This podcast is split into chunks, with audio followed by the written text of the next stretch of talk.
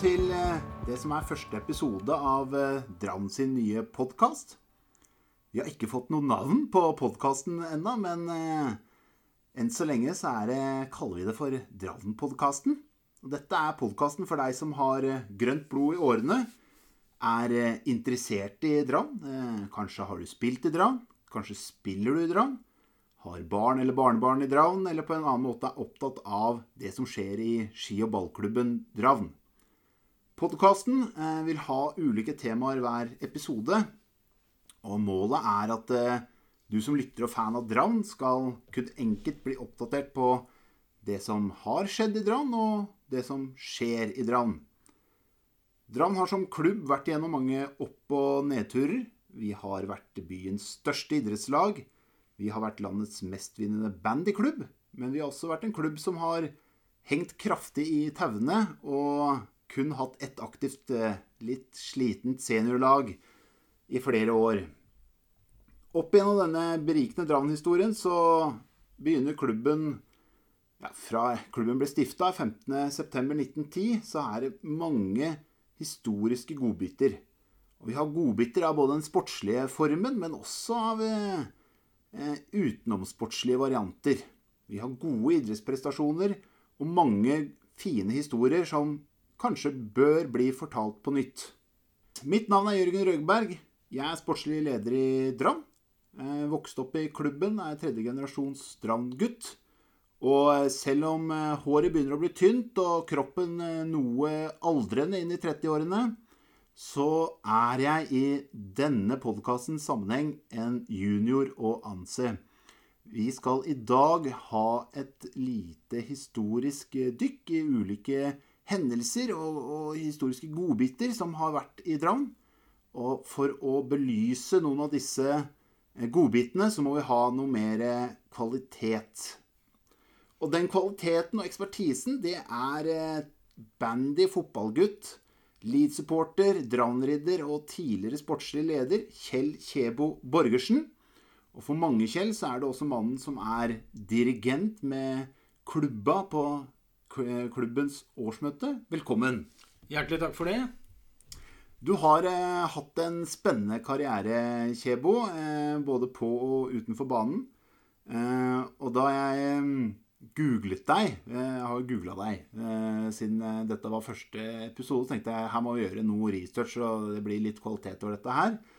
Og da fant jeg en liten oppsummering eh, på deg eh, som jeg syns var ganske god. Så jeg tenkte egentlig å lese opp. Det er fra byleksikonet til Drammen kommune. Og Her står det kort om Kjell Borgersen, født 24.8.1951. Stemmer, stemmer det? Kan ikke gå imot det, nei. Nei. Her står det informasjonssjef og sportsredaktør. Velkjent under kallenavnet Kjebo. Sportsredaktør i avisen Fremtiden fra 1973 til 1987. Informasjonssjef i Norges Fotballforbund fra 1987 til 2000. Speaker på Ullevål stadion fra 1987. Borgersen ble kjent som en initiativrik informasjonssjef i NFF. Og fra år 2000 var han ansvarlig for oppbyggingen av NFFs fotballmuseum på Ullevål stadion. Daglig leder for museet fra 2002 til 2004. Og driftssjef for Ullevål stadion fra 2004 til 2018.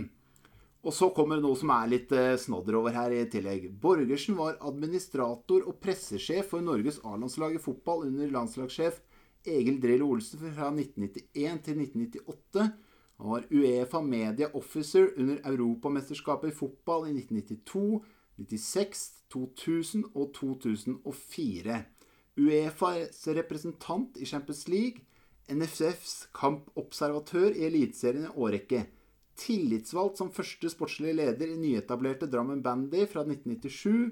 Og hjemme i Drammen er Borgersen også kjent som en erfaren fotballdommer, tillitsmann i ski- og ballklubben Dravn, tidligere målvakt for Dravn og Strømsgodsets eliteserielag i bandy, og midtstopper på Dravns A-lag i fotball. Stemmer dette her? Det med midtstopper, det var noe nytt for meg. Men det, Det var jo artig nytt å for deg, høre, ja. ja. Det har vært lite, lite spill på, ute på banen for meg i fotball.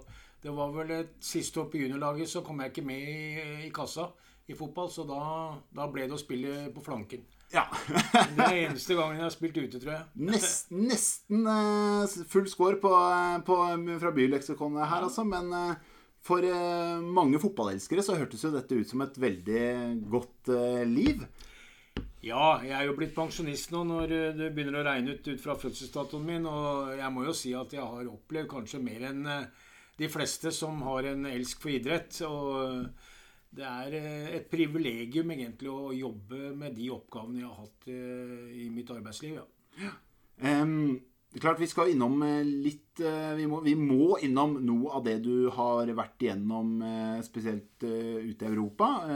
Bare litt kort. Men dette er jo en Drammen-podkast, så vi skal ha grønne øyne, grønne briller, eh, et grønt blikk eh, på, eh, på både det du har vært igjennom, og, og generelt i episoden her.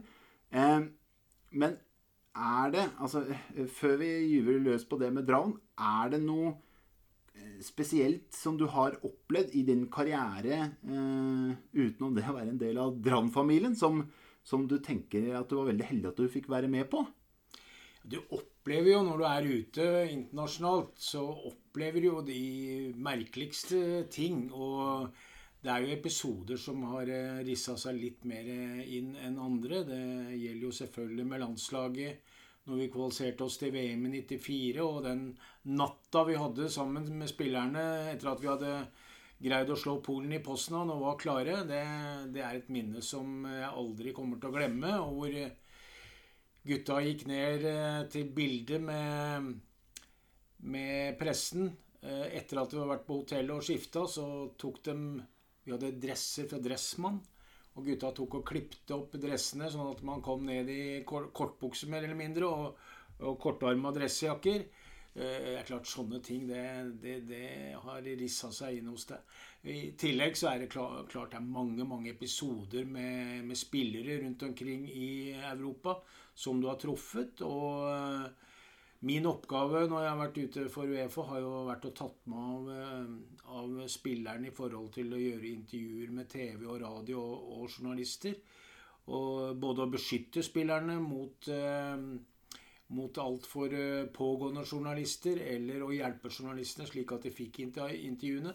Det er en sånn veldig sånn spesiell balansegang. Og jeg har jo hatt episoder. Jeg kan jo fortelle om eh, semifinalen, var det vel, i EM i 2004, hvor England røyk for eh, Nei, det var kvartfinalen, kanskje. Ja, jeg er sammen med det. Men hvor England i hvert fall røyk for eh, hjemmelaget Portugal. Og Beckham missa på straffespark. Mm. De fleipa jo med at det var ei jordrotte som hadde hoppa opp uh, fra bakken og, og ødelagt festet hans, for han sklei nå skikkelig og bomma på den der. Og Soul Campbell husker jeg scora, eh, og dommeren, veldig omdiskutert, eh, annullerte skåringen, så det var ganske kaos etter kampen. Og jeg skulle da eskortere disse to gutta ut i noe som heter mix-zone. Altså det er et område hvor journalistene får lov til å gjøre intervjuer enkeltvis med alle spillerne. Og det engelske laget nekta å gå ut, og det er eh, egentlig noe du skal. Det er de pålagt å gjøre, men de nekta å gå ut til dette er folkehavet av journalister som tydeligvis skulle ta både Beckham og, eh, og eh, Campbell verbalt. da. Og de nekta, og det blei skikkelig, skikkelig oppstandelse der. Så jeg måtte jo da inn og gjøre noen kompromisser og, og snakka med dem. Og lovte da på tro og ære at vi skal arrangere i morgen en pressekonferanse med de to. Og prøve å få de ut bakveien. Eh, mot at de lovte at det skulle skje. Og det skjedde jo, eh, så det gikk greit. Men eh, de skulle da komme seg vekk fra garderobeområdet og, det hele uten at journalisten så hvor det gikk. Så jeg eskorterte disse gutta gjennom noen irrganger sammen med en vakt, og vi kom opp i vippen der, og der eh, møtte jeg Victoria Beckham og alle superkjendisene og damer, og overleverte spillerne trygt til dem. Så det, det var en litt morsom greie. Det har vært mange av de type, type historier. altså det var det. Men eh, det er kanskje en, eh, en, annen klubb i Drammen der som hadde hatt litt godt av eh, litt lærdom hva gjelder å håndtere journalister og, og medietrykk. Ikke, du har ikke fått noen telefoner fra nede i gata Marienlyst her? Det har klødd i fingra, jeg må innrømme det. Men eh, det ser jo ut som de greier seg sjøl, så det er greit. Jeg har ikke hørt noe, selv om jeg har gode venner i Strømsgodset. Jeg er veldig glad i Strømsgodset. Og som du nevnte innledningsvis, så har jeg også spilt bandy der oppe, så jeg har jo noen røtter stående der oppe òg. Og er eh, ganske ofte oppe på klubbhuset der og prater med gamlegjengen. Men eh, nei, jeg er nesten glad for at de eh, dro inn den gamle, gode Tom Berntsen igjen, og ikke meg. Du prata om Du nevnte Sol Campbell her, en, en personlig favoritt. Undertegnede er jo Arsenal-supporter, og, og, du nevnte her tidligere òg at du har vært kampinspektør på Highbury. Ja. ja. At, ja, faktisk I Champions League så er det sånn at vi følger uh, ditt lag på alle deres hjemmekamper gjennom hele, hele turneringa. Så når Arsenal da blir slått ut, så er jeg også slått ut, for å si det sånn. Og jeg har vært så heldig å hatt Arsenal på tre forskjellige hjemmearenaer. Åpna med Wembley, for de ville spille på Wembley til å begynne med fordi at Highbury var for liten. Skulle tilfredsstille alle de menneskene som gjerne ville hatt sesongkort på Highbury, som ikke fikk det pga. banens kapasitet. Derfor flytta de til Wembley i to sesonger. Gikk ikke videre noen av de to sesongene, så de flytta fort hjem, på, hjem til Highbury. Så hadde jeg de der også, og jeg var også med da de flytta over til Emirates. Så det er litt spesielt. Stille, det er jo, eh, er jo litt sånn trist nesten å prate om Champions League og Arsenal og Highbury, for det har ikke gått så bra etter at du eh, ga deg med dem. Eh, Nei da, jeg hadde, dem, i, hadde dem jo i finalen da de spilte i Paris mot Barcelona med Terje Hauge som dommer. Det var jo også en veldig veldig spesiell opplevelse, da, hvor Dramgutten Ole Herman Borgan, han var Dramgutt den gangen, blei fratatt å, å, gå på linja pga. et fatalt eh, bilde som sto i Drammens Tidende med en Barcelona-drakt. Mm. Ja, nei, jeg husker jo den kampen, jeg òg. Det med, med, skrekk og gru, holdt jeg på å si. Um, og det, Arsenal, var, Arsenal var gode på den tida. Men uh, det her er ikke en Arsenal-podkast. Jeg skal passe på å holde meg litt i skinnet når jeg sitter med en Bergkamp kaffekopp. Uh, Kjebo, som er, du er elitesporter, kunne selvfølgelig ikke få det, så du sitter her med en Dravn kaffekopp. Og apropos Dravn, Kjell, vi beveger oss litt videre. Du har jo god oversikt over Dravns historie. Mm. Og er litt inne på det her at du har bidratt med jubileumsboka i anledning klubbens 100-årsjubileum. Eh, for dere som ikke har lest den, så kan dere lese den på dravn.no. Eh, der ligger alle jubileumsbøkene. Eh, videre er du jo nå i gang med et spennende prosjekt i klubbhuset med en arbeidsgruppe der. Kanskje du kunne fortelle bare litt kort hva som skjer der om dagen? Så kan vi jo prate mer om det når dere er ferdig med prosjektet. Mm. Ideen den kom kanskje når jeg også i, sammen med den boka, 100-årsjubileet, lagde en DVD om klubbens historie. At uh, klubbens historie bør også opp på veggene i Drang, Drangkollen. Og uh, den uh, har vi diskutert en del av oss, og en arbeidsgruppe av fire pensjonister, Tore Svenvik, Bjarne Stabæk og Jan Wegner, og undertegnede, vi gikk sammen for å prøve å nøste litt i klubbens historie i forhold til det materiellet vi har i både bilder, diplomer og ja, i det hele tatt. Og ikke minst skrivende ord om, eh, om klubbens historie. Så vi har holdt på nå i snaue to år å samle dette her og få det ned på papir. Og så skal det opp på vegger eh, i alle de store rommene vi har i Kollen. Eh, sammen med pokaler og andre ting. Eh, slik at eh, vi håper at dette er oppe, og at når klubbhuset åpner for normal drift igjen, for å si det sånn, kanskje rett over sommerferien, at eh, man kan komme til noe nytt og spennende og kunne lese om klubbens historie og, og se på bilder av, av forna helter i klubben. Ja, For det er, ikke, det er jo ikke rent lite materiale som, eller materie som ligger i, i klubbhuset. Det er jo ganske mye historie å, uh, gå gjennom. Da, og mye pokaler og um, diverse ting. Så det er jo en ganske stor og krevende jobb, men ja, fordi at En av de tingene som dette medførte, når vi skulle lete fram til alt dette her, var jo at si, alt det historiske materiellet til klubben, det lå jo bare og fløyt. I noen pappesker, i noen skuffer, uten system i det hele tatt. Så det vi har gjort nå, er også, samtidig som vi driver med det som skal opp på veggene, også lage et historisk arkiv på klubben.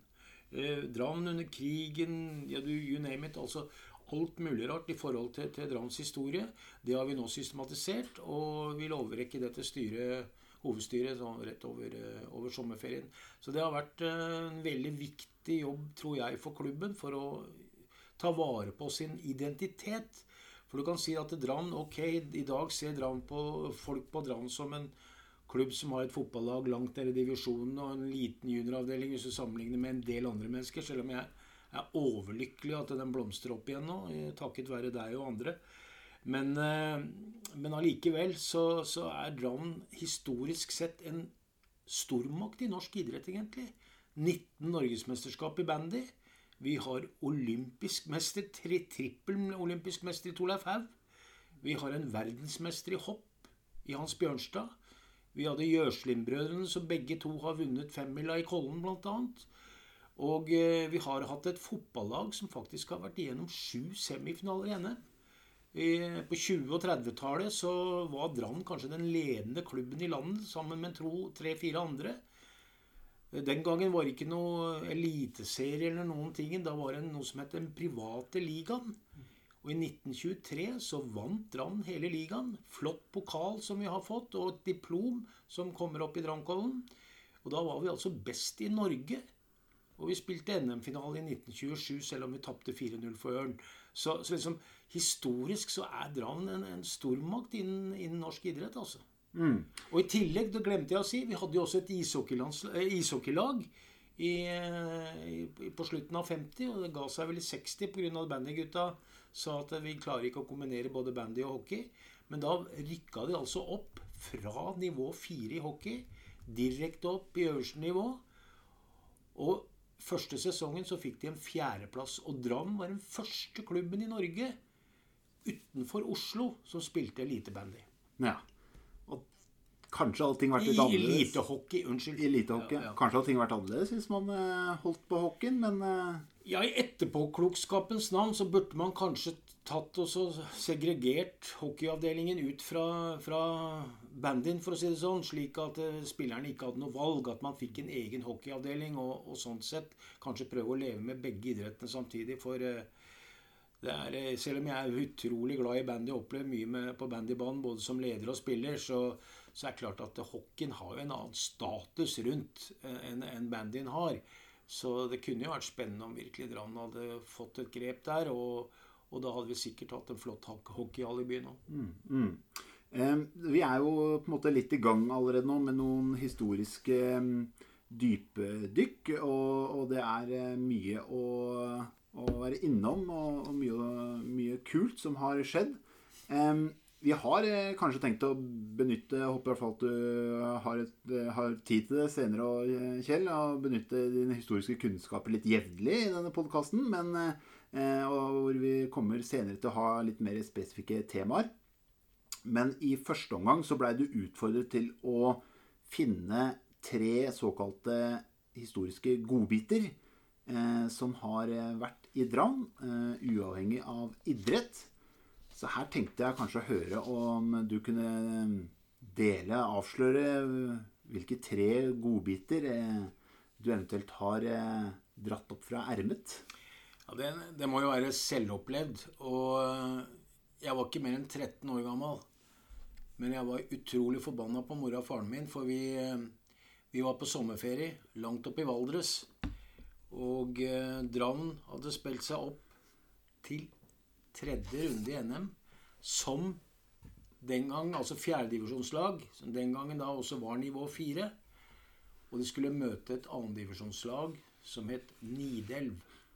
Og Nidelv er ikke noe topplag i dag, akkurat som Dram, men den gangen var Nidelv veldig gode. Hadde en veldig bra spiller som het Harald Sunde på det laget som jo ble makker til Odd Iversen seinere i Rosenborg, og også når de dro begge to til Belgia. Og eh, jeg fikk jo da krangla meg til at vi skulle dra ned den dagen kampen spilte. Så jeg satt jo og masa på fattern hele veien nedover fra, nedover fra Ålers at eh, nå må du trå på gassen, nå må du trå på gassen. Da jeg kom fram til Marienlyst, så var det vel en fem Ja, da hadde akkurat, uh, akkurat pause. Stemmer det. Så annen omgang starta ganske fort når jeg kom inn på Marienlyst. Men det jeg stussa så utrolig på, det var jo at det var så mye folk som forsvant. Det var, eh, det var sikkert 7000-8000 mennesker her, men det var i hvert fall et par tusen som var på vei ut fra stadion. Og det skjønte jeg jo fort når jeg liksom kom inn og begynte å forhøre meg litt.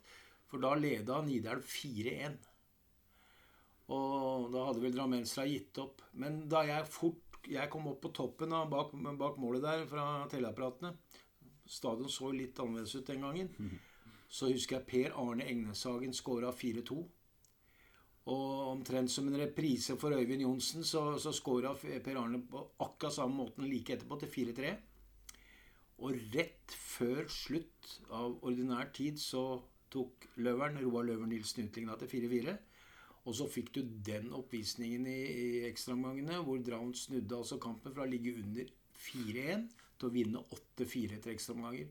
Og gikk til fjerde runde og spilte mot Sarpsborg i fjerde runde. Tapte 5-2 på Marienlyst i den fjerde rundekampen. Men akkurat det der, det rissa inn i meg. Og hadde jeg et grønt hjerte, så ble det i hvert fall mye, mye grønnere etter det. Åtte mål i løpet av en match, ja. Da, klart, da, da begynner det å bli bra. Ja bra underholdning. Ja, det var det.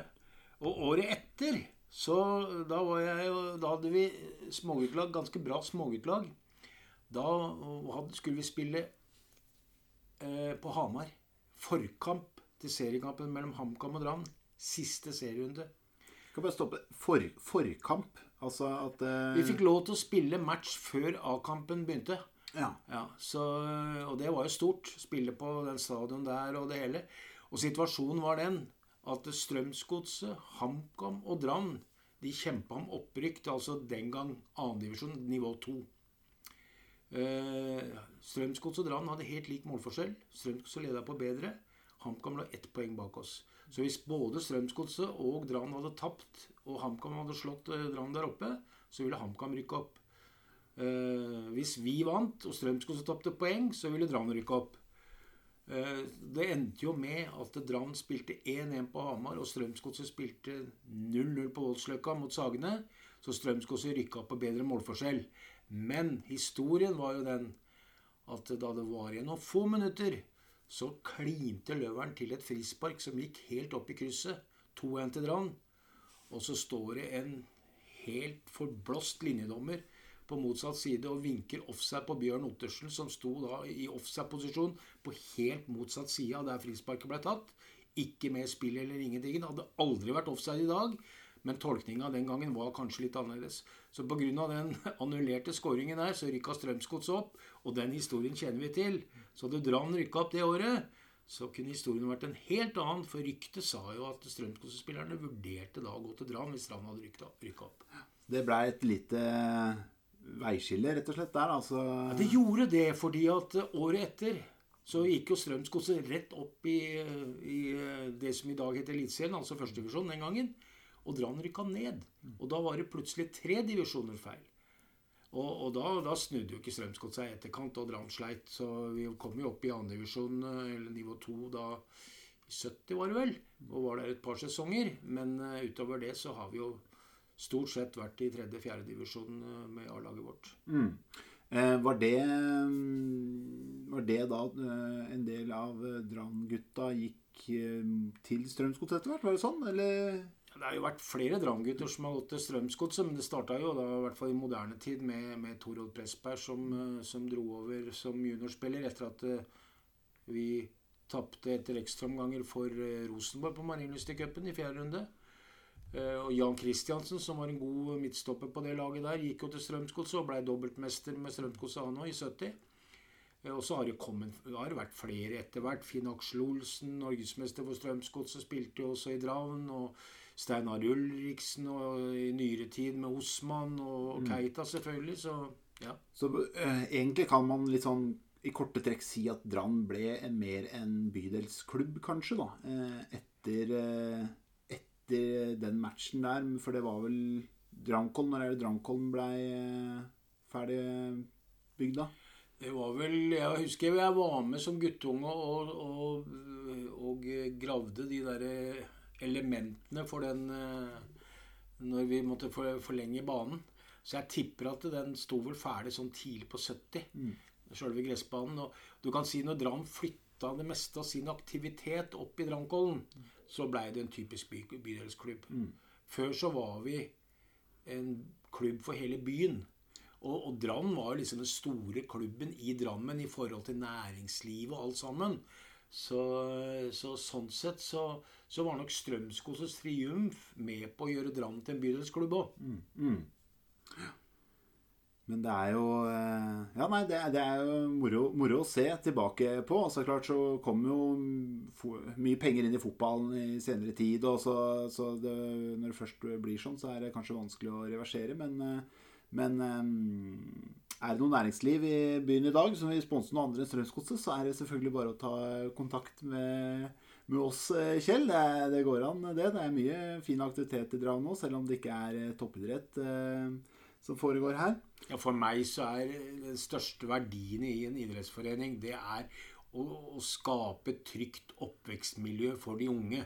Og der syns jeg Drammen har vært unike i det siste. Og i et oppvekstmiljø som også har sine utfordringer med, med forskjellige etniske bakgrunner med, med, med spillere. Så det er klart at eh, den, den jobben der, det må på mange måter være primæroppgaven til en klubb. Og så får alt annet av suksess bare være en bonus. Det var, var det to eh, storyer jeg noterte nå, eller tar vi det som én? Nei, vi kan godt ta Nei, det var to. Ja, ja. ja, ja, ja. Men uh, vi kan jo ja, Da må vi ta litt med bandy nå, da. For vi uh, For å si det sånn jeg, jeg har jo en karriere som spiller også, men eh, min karriere som Brann-medlem har vel vært mer som leder enn en, en spiller. Og jeg var jo oppmann eh, og leder for A-laget i bandy i, i flere år. og vi krona det jo også med et norgesmesterskap, men, eh, hvor faktisk din far også spilte. Men eh, vi hadde jo da en del- år på rad en treningsleir nede i Trollhättan i Sverige hvert eneste år, og eh, dit måtte vi. Og jeg husker veldig godt at vi skulle ned et år, og det var veldig mildt, så man hadde ikke fått opp is.